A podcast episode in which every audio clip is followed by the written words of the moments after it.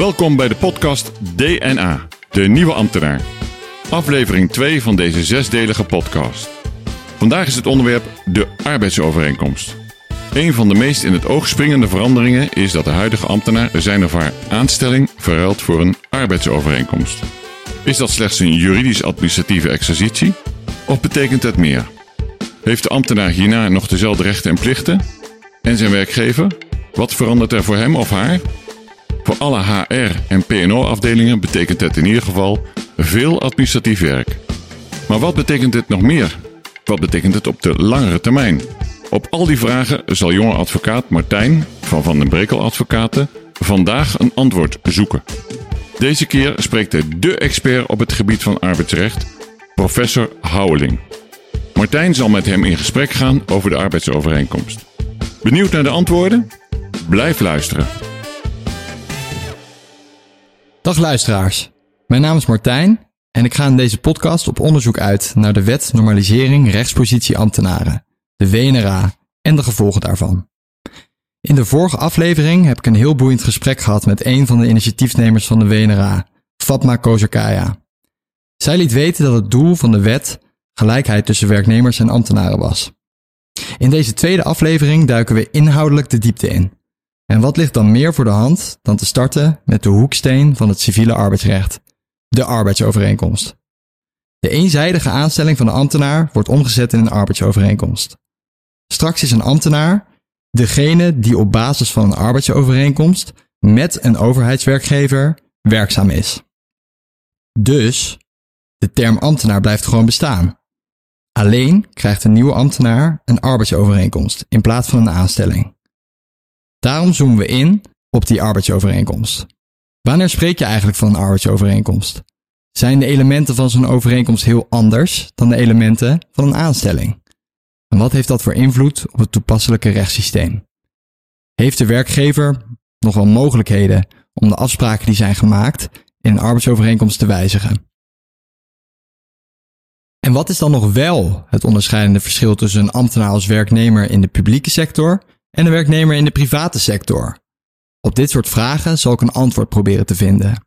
Ik ben enorm verheugd dat ik dit thema mag bespreken met professor Ruben Houweling, de Rotterdamse goeroe op het gebied van het arbeidsrecht. Hij publiceert en annoteert aan de lopende band binnen allerlei subgebieden in het arbeidsrecht.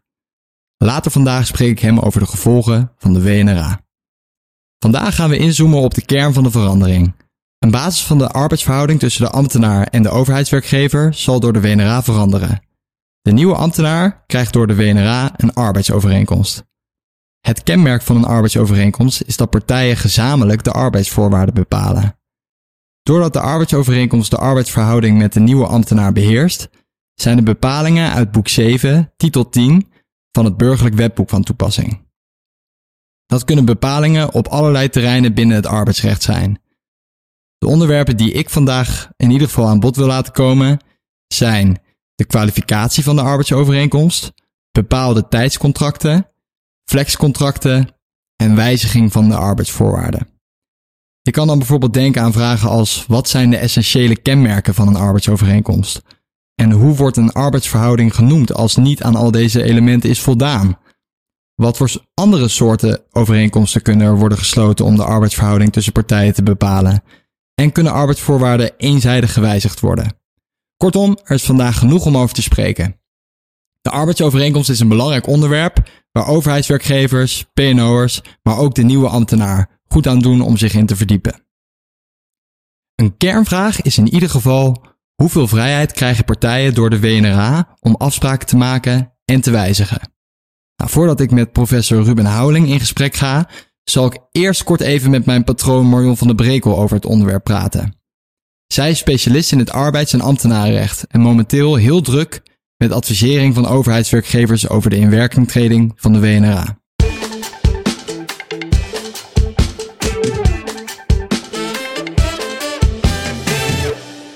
Hoi Marion, vandaag uh, spreek ik Ruben Houweling uh, over misschien wel de belangrijkste verandering van de WNRA. Een ambtenaar krijgt een arbeidsovereenkomst met een overheidswerkgever. Ja, mooi Martijn en mooi dat je Ruben hebt kunnen strikken. Dus we stappen nu over op de inhoud, maar wat, uh, waar ga je precies op inzoomen? Nou, ik ben van plan om vandaag vooral te focussen op de kwalificatie van de arbeidsovereenkomst. Kijk, veel meer dan in de huidige arbeidsverhoudingen binnen de overheid zijn er straks verschillende contracten mogelijk. Hè? En wanneer is er nou precies sprake van een arbeidsovereenkomst en wanneer is nou sprake van een overeenkomst van opdracht? En aan welke voorwaarden moet uh, die arbeidsovereenkomst dan voldoen om ook te gelden als een arbeidsovereenkomst? En de vraag of er sprake is van een arbeidsovereenkomst is nu volgens mij ook heel actueel. Kijk ook maar naar die Deliveroo-zaken. Daar was ook uh, ja, de grote vraag eigenlijk: uh, is de Deliveroo-bezorger nou een werknemer of een zelfstandige? Ja, inderdaad. En ja, die kwalificatie is gewoon niet altijd eenvoudig. En dat, dat lijkt me gewoon daarom heel erg belangrijk om vandaag te behandelen. En verder is het natuurlijk ook belangrijk om duidelijk te krijgen waar de overheidswerkgever extra op moet gaan letten uh, bij het opstellen van zo'n arbeidsovereenkomst. Wat mag bijvoorbeeld niet ontbreken in de arbeidsovereenkomst? Nou, dat lijken me relevante vragen voor vandaag. Uh, heb je daar nog iets aan toe te voegen? Ja, nee, volgens mij echt prima vragen. Heel uh, terecht ook. Ik denk dat het heel belangrijk is voor overheidswerkgevers en voor de ambtenaren om te weten hoe het nieuwe systeem werkt. Dus misschien kan je wat zeg maar, concrete vragen stellen, zoals wat voor soort contracten zijn er? En wanneer is er nou echt sprake van een arbeidsovereenkomst? Is dan bepalend wat er op papier staat of hoe de feitelijke uitvoering is? En wat zijn nou eigenlijk arbeidsvoorwaarden en hebben de partijen de vrijheid om daar uh, invulling aan te geven? En wat mag in ieder geval niet in een arbeidsovereenkomst ontbreken? Dat is een vraag die in de praktijk ook nog wel vaak wordt gesteld. En als laatste natuurlijk, kan een werkgever eenzijdig die arbeidsvoorwaarden straks wijzigen? Ja, dat lijkt me boeiende vragen die ik uh, goed kan uh, voorleggen aan de gast van vandaag. Dus uh, ik ga ermee aan de slag. Mooi, succes. Dankjewel.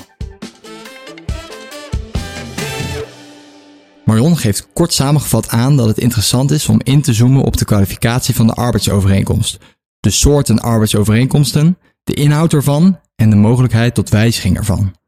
Omdat het onderwerp een technisch onderwerp is en het nogal nauw luistert, heb ik een expert op dit gebied uitgenodigd.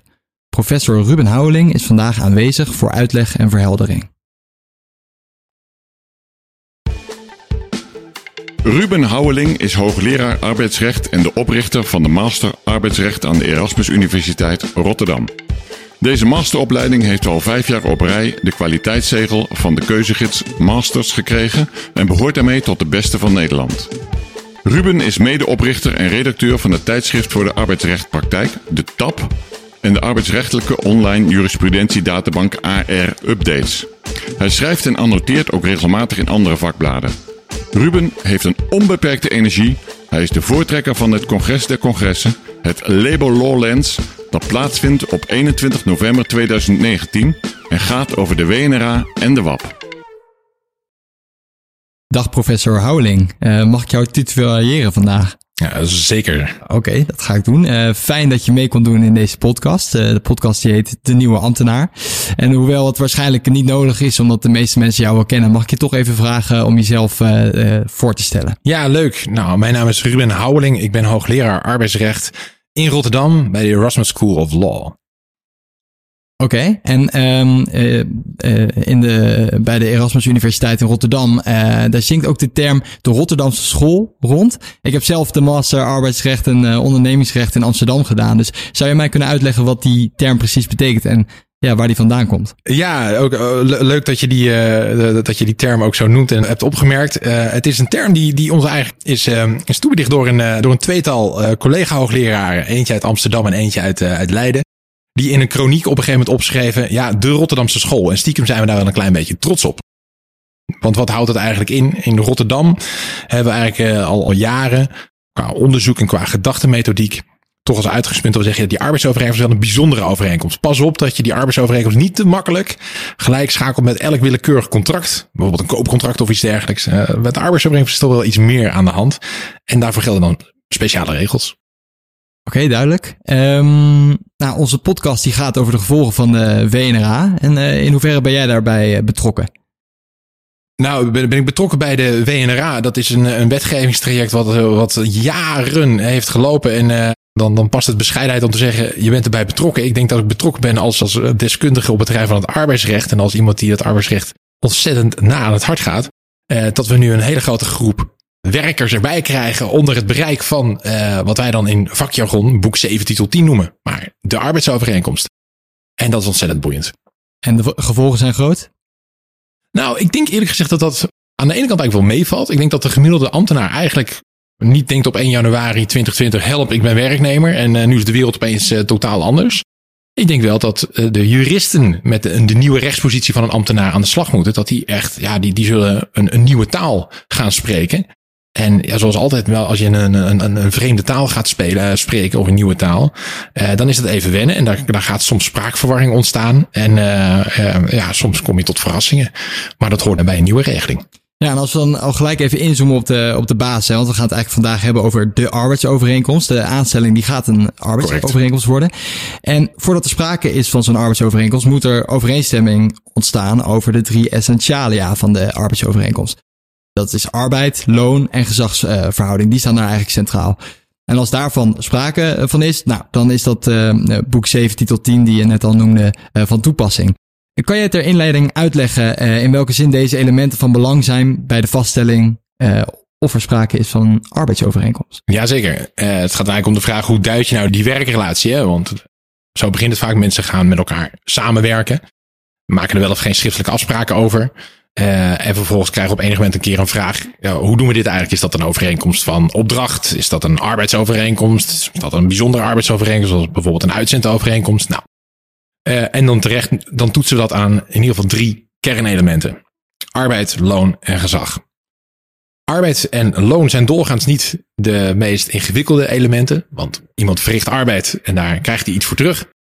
Um, en het gezagscriterium, daar gaat eigenlijk meestal alle discussie over van hoe, hoeveel gezag wordt er nu eigenlijk uitgeoefend uh, in deze relatie.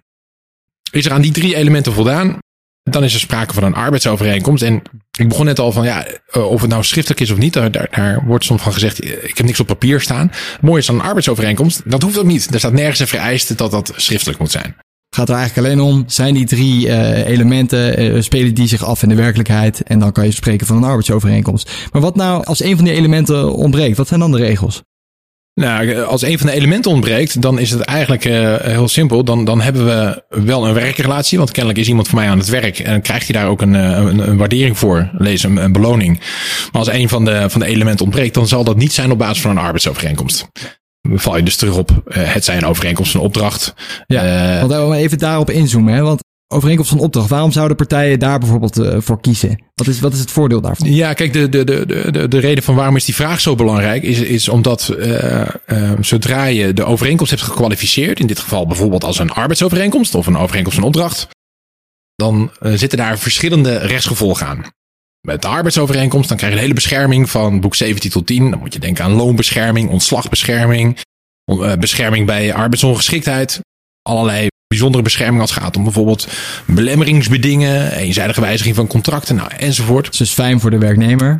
Heel veel bescherming voor de werknemer. Ja. En bij de opdrachtovereenkomst is, is eigenlijk precies het omgekeerde. Daar is bijna geen bescherming, behalve wat je met elkaar hebt afgesproken. En daarom is die voorvraag zo belangrijk hoor ik je dan zeggen dat dat ja, dan overeenkomst van opdracht dus wel, ja, dat zou dan misschien weer gunstig kunnen zijn voor de werkgever, omdat het misschien minder. Ja, voor de, voor, voor de werkverschaffer. En daar komt nog iets, en daar komt nog iets bij. En dat is een hele actuele discussie, hè, die, die zich, denk ik, nou, niet zozeer uh, WNRA gerelateerd, maar ik denk meer uh, als we kijken naar de huidige arbeidsmarkt. zien we een hele grote groep ZZP'ers, hè, zelfstandigen zonder personeel. Die werken doorgaans op basis van een overeenkomst van opdracht. Wat is daar het fijne aan? Eigenlijk heeft de werkverschaffer, dus de, de, de, we zullen maar voor nu even zeggen de werkgever, die heeft vrij weinig risico's. Geen ontslagrisico, geen risico van loondoorbetaling tijdens ziekte. En daar tegenover staat een, een ZZP'er die uh, ook nog eens een keer goedkoop is. Want de uh, werkgeverslasten, denk aan afdracht van uh, WW-premie, afdracht van premie voor allerlei sociale lasten, die hoeft de werkgever ook niet te betalen. Nou, en daar staat dan nog eens een keer tegenover dat die ZZP'er eigenlijk een beetje wordt gesubsidieerd door allerlei fiscale voordelen. dus ja, de, de, dat er zo'n groei is in, in zelfstandigen met een overeenkomst opdracht ja, dat is op zich een, een, een begrijpelijke ontwikkeling. Uh, en tegelijkertijd qua bescherming een twijfelachtige. En om dan toch even de WNRA erbij te betrekken. Zou het dan ook niet logischer zijn dat zo'n overheidswerkgever dan ook veel vaker zou kiezen voor die, voor die vorm van uh, overeenkomst van opdracht? Verwacht je dat ze dat niet zullen doen? Uh, ik denk eerlijk gezegd dat, dat in, in heel veel gevallen, als we gewoon de artikel 610 toetsen, dus de, de vraag is er sprake van arbeidsovereenkomst, als we die toepassen, het zal doorgaans toch gaan om, om werkers die ingebed zijn in een overheidsorganisatie die daar uh, loon voor ontvangen.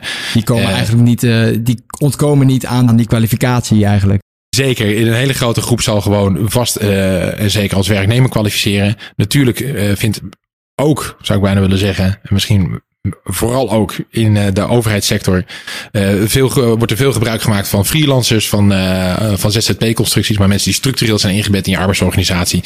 Ja, we zeggen in het arbeidsrecht dat heel, heel mooi. Wezen gaat voor de schijn, dus je kan heel, heel veel dingen kan je met elkaar afspreken en doen alsof je een bepaalde relatie hebt, maar het gaat er uiteindelijk om hoe ziet die relatie er echt uit. Maar goed, daar kan natuurlijk een, ja, een gebied tussen ontstaan dat je niet, ja, niet zeker weet van hoort het nou bij de ene categorie of bij de andere categorie. En, uh, dat ja, klopt. Een, een ja. voorbeeld is bijvoorbeeld die Deliveroo-zaken. Nou, die ken je natuurlijk ongetwijfeld. Kan je die uh, even kort toelichten? Wat, wat gebeurde daar precies en waarom is die uitspraak zo interessant? Deliveroo, ik denk dat we allemaal een beeld hebben van, uh, van Deliveroo-bezorgers van die uh, hippe bezorgers op een fiets met een uh, grote uh, koelkast of warmhoutzak op hun rug, die rondfietsen. En er zijn twee uitspraken geweest, eentje in 2018, eentje in begin 2019, allebei in Amsterdam, waarin de vraag aan de orde was, is zo'n fietser met zo'n rugzak op, met, die een maaltijd komt bezorgen, is dat nou een ondernemer, een ZZP'er, of is dat niet eigenlijk gewoon een werknemer? Nou, daar zijn ook twee tegenstelde uitspraken. De meest, de meest recente, uh, daarin heeft de rechter gezegd, ja, jongens, we kunnen daar uh, lang en kort over praten, maar deze mensen verrichten arbeid, ze krijgen loon, uh, ze moeten luisteren naar een app. en natuurlijk werd er tegen ingebracht van, ja, maar die app die biedt ook heel veel ruimte om opdrachten te weigeren. Maar ja, uiteindelijk... Dat zit dan op de gezagsverhouding, hè? Op dat, dat is dan inderdaad ja. het, het, het gezagselement. en die oordeelden uiteindelijk van, dit zijn gewoon werknemers. Mm. Een belangrijk onderdeel daarvan, uh, wat we net nog niet hebben genoemd, is in die toetsing van die drie elementen, arbeid, loon en gezag. Daarin hebben we in Nederland eigenlijk in, ja, in de jaren negentig, en daar komt de Rotterdamse school weer, hebben een arrest gekregen. Dat is een uh, uitspraak van de hoogste rechter in, ne in Nederland, de Hoge Raad. Die heeft daaraan uh, toegevoegd, ja, voordat je die elementen gaat toetsen, moet je eerst een vraag stellen. Wat is de bedoeling van partijen geweest? Nou, en dat is waar hè, de Rotterdamse school dan zegt, maar dat is dus een heel fout arrest. Uh, want de bedoeling van partijen, ja, bij in een werk, werkgever en werknemerrelatie is die, is die verhouding eigenlijk een ongelijke. Iemand die, die wil heel graag werken. En dan zegt de, degene die dat werk aanbiedt, in dit geval Deliveroo, zegt, nou, je mag bij mij komen werken, maar één voorwaarde. Dat doe je als ZZP'er. Ja, dan uh, maakt mij niet uit. Ik wil gewoon werken. Ik wil gewoon uh, geld verdienen. Ik wil van het weekend, uh, dat zijn doorgaans studenten namelijk. Ik wil van het weekend gewoon een biertje kunnen kopen. Ja, dus, dus dan accepteer je het maar. Ik accepteer het, maakt mij ja. niet zoveel uit. Maar wat is de werkelijke bedoeling hier nou? Ja, je gaat gewoon arbeid verrichten, loon ontvangen. je gaat naar mij luisteren, want je moet gewoon doen wat ik zeg. heb ik dan niet gewoon een arbeidsovereenkomst? Nou, door die partijbedoeling zo, zo'n prominente plek te geven. En daar zijn we ook vrij uniek in in Europa overigens. In heel Europa zie je dat we zeggen, ja, partijbedoeling. Nee, het gaat niet om de bedoeling. Het gaat om wat doe je feitelijk? Hoe, hoe, ziet, die, hoe ziet die uitoefening er echt uit? Nou, je ziet gelukkig nu wel een ontwikkeling dat steeds vaker we ook in rechtspraak zeggen, oké, bedoeling, oké, tuurlijk, dat, dat heeft al graag gezegd, maar kijk vooral naar de uitvoering. Daar ik dan nog even uh, korter op ingaan van arbeidsrecht bestaat natuurlijk al een hele lange tijd en je hebt de, de banen steeds moderner geworden binnen dat criterium van gezagsverhouding. Is dat nou, moet je dat nou eigenlijk zien als uh, ondergeschiktheid of zelfs als onderdanigheid? Of gaat dat veel te ver en heb je wel eigenlijk wel in de moderne baan wel enige vrijheid om je werkzaamheden zelf in te richten? Ja, heel mooi. Je snijdt er ook echt een heel gevoelig onderwerp aan, want dat is eigenlijk de discussie die momenteel heel breed wordt gevoerd. Zowel in politiek als, in, als op de academie als in de literatuur.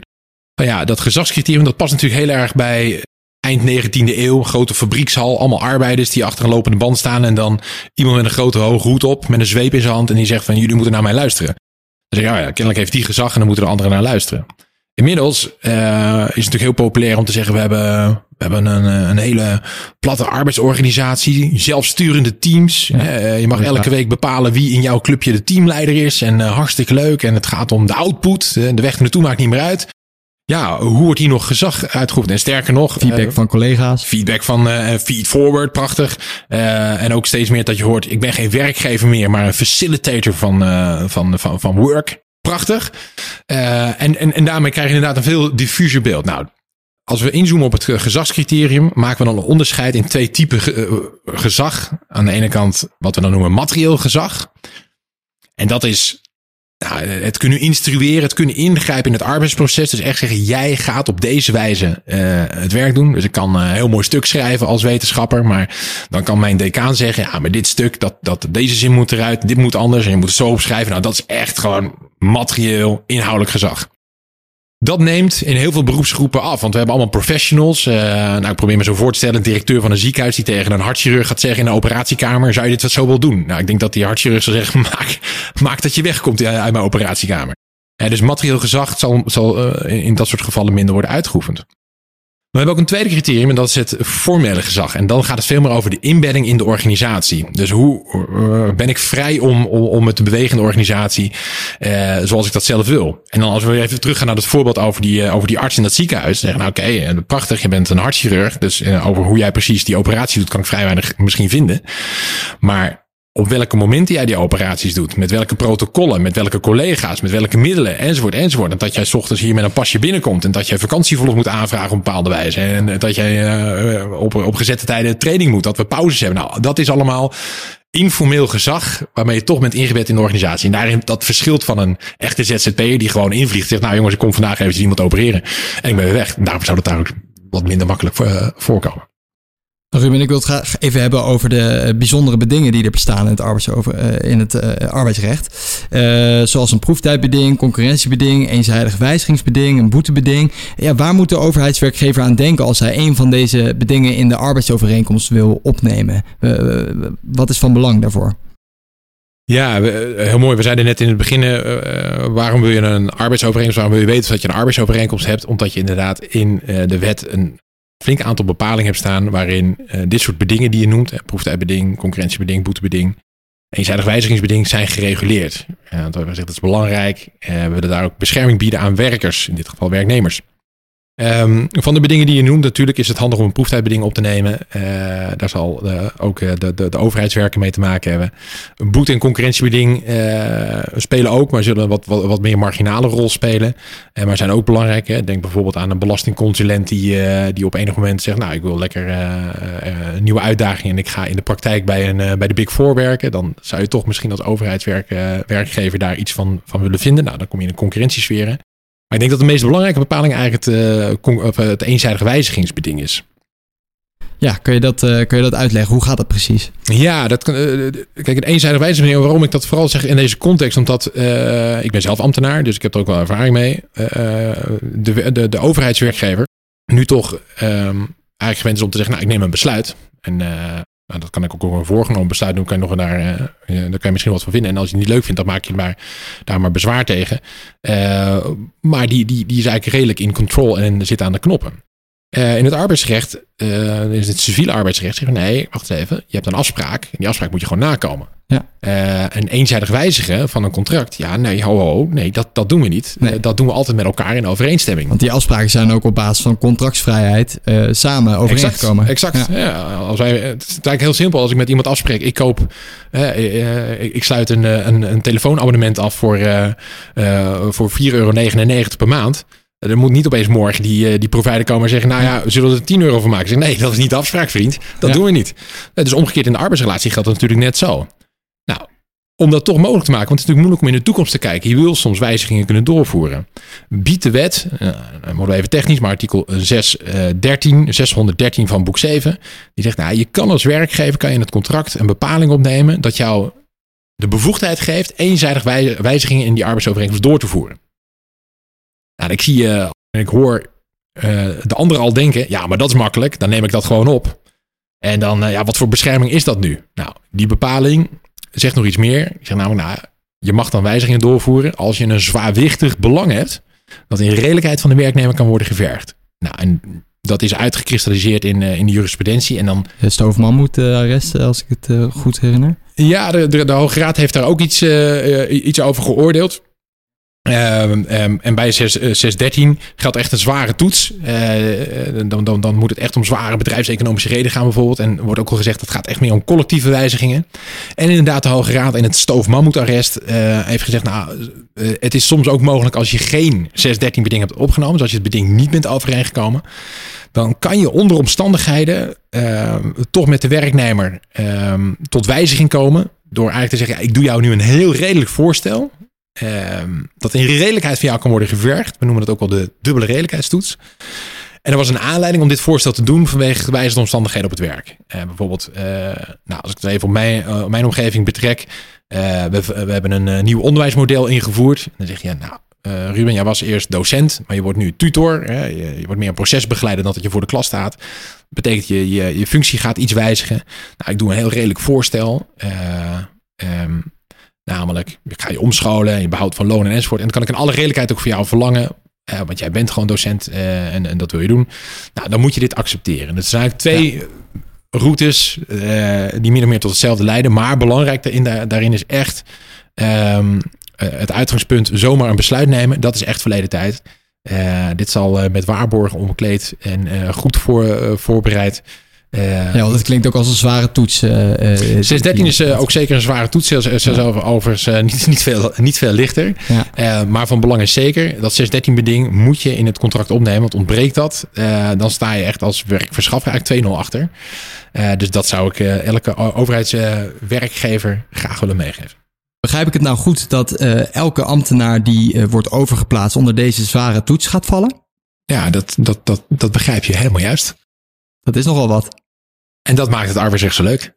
Ik uh, wil je hartelijk bedanken uh, dat je hier was vandaag, Ruben. Graag gedaan. Tot ziens.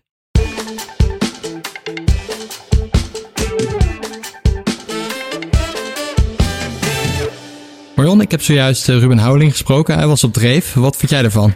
Ja, nou, uh, Martijn, ik heb ervan genoten. Het is echt zoals Ruben bekend staat. Het is een man van de inhoud, maar ook iemand die het uh, heel erg helder kan uitleggen. Dus ik denk dat dat voor onze podcastluisteraars wel uh, leuk is om naar te luisteren. Vond ik ook. wat ik ook wel aardig vond, is dat hij op jouw vraag wat de WNRA straks gaat betekenen voor de praktijk, dat hij het vergeleek met een nieuwe taal leren. Dus hij zei, ja, dat kan wat verwarring opleveren, maar op zichzelf moet het allemaal mogelijk zijn. Dus dat vond ik een aardige vergelijking. Nou, dan de inhoud natuurlijk. Ruben is uitgebreid ingegaan op de elementen uh, arbeid, loon en gezagsverhouding. Ja. Um, nou, wat vond jij daarvan? Ja, die, hij, ja, hij zei natuurlijk wat, uh, wat bekend is. De gezagsverhouding is natuurlijk uh, ja, het onderscheidende element. En daar, daar heeft hij dan ook meer op, op ingezoomd. En um, ja, we hebben het ook nog even gehad over die uh, gezagsverhouding, dat die niet helemaal meer van deze tijd is. Hè? Daar, was hij, daar was hij het wel met mij mee eens, volgens ja, mij. Ja, ik denk dat hij daar in, in grote lijnen ook wel gelijk in heeft. Hè? Het, is een beetje, het klinkt ook een beetje ouderwets als je het hebt over uh, ondergeschiktheid.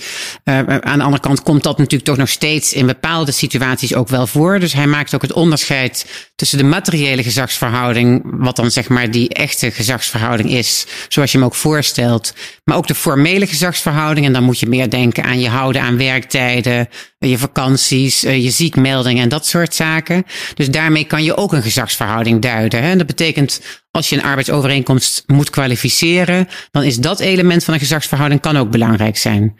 Hè, dat, is, uh, ja. dat was wel duidelijk. Ja, correct. Hij had het over de chirurg die geen uh, orders hoeft aan te nemen van, nou, ik weet niet welke leidinggevende, maar daar kan iedereen zich natuurlijk wel iets bij voorstellen. Klopt, ja. Ja, en, en wat hij dan eigenlijk ook zei, was dat hij. Uh, volgens, uh, hij, hij is heel erg een voorstander, voorstander ervan dat, uh, dat je echt naar de feiten moet kijken. Hè? Als, als die drie elementen er zijn, dan moet je eigenlijk al spreken van een arbeidsovereenkomst. Ja. Wezen gaat voor schijn, noemde hij Precies, ja. Dus, dus dat, dat, de, hij noemde daar die Rotterdamse school. De Rotterdamse school is volgens mij echt iets waar hij ook aan de basis staat, Ruben Houweling.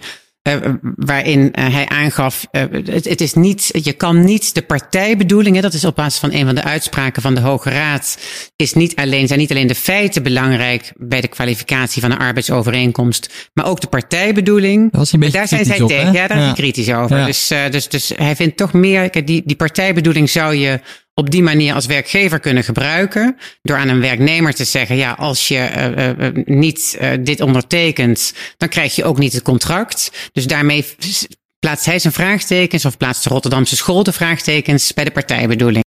Ja, dus als ik, als ik het eigenlijk samenvat, dan vindt Ruben vooral de feiten eigenlijk van belang om te kunnen spreken van een arbeidsovereenkomst, om, of om die kwalificatie te kunnen maken.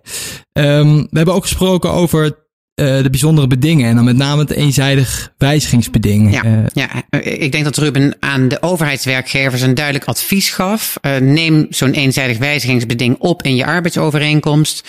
Waarbij hij dan ook meteen al de waarschuwing gaf dat het niet betekent dat je dan heel makkelijk arbeidsvoorwaarden kan wijzigen. Ik denk dat het heel belangrijk is, en zeker straks voor de overheidswerkgevers, die nu nog heel makkelijk uh, een ambtenaar kunnen overplaatsen, hebben ze alleen maar dienstbelang bij nodig. Uh, dat men zich straks moet realiseren dat het echt een stuk ingewikkelder wordt en dat het toetsingskader een hoge drempel kent. Dus dat is uh, nou, een, boeiend, een boeiend thema, maar ook wel een thema waar iedereen op zijn hoede moet zijn. Nou, volgens mij, uh, Martijn, zijn we nu gekomen aan de vraag of jij antwoord hebt gekregen op de door jou geformuleerde kernvraag. Ja, klopt ja. En dat was de vraag hoeveel vrijheid partijen krijgen om uh, afspraken te kunnen maken en te kunnen wijzigen. En ja, Ruben zei het ook al. In het arbeidsrecht staat natuurlijk het contractsvrijheid uh, centraal. En in het ambtenarenrecht dan wordt dat toch meer eenzijdig opgelegd. Vanuit die basis hebben partijen natuurlijk de vrijheid om afspraken te maken. Maar als die afspraken eenmaal zijn gemaakt, dan is er wel een hele hoge drempel om uh, die afspraken nog eenzijdig te kunnen wijzigen. En dan heb je eigenlijk twee stromingen, dan, um, of ja, nee, twee wegen eigenlijk om te bewandelen. Uh, je kan een eenzijdig wijzigingsbeding hebben en je kan die zelfs in sommige situaties, als je die niet hebt, zouden ook nog gewijzigd kunnen worden.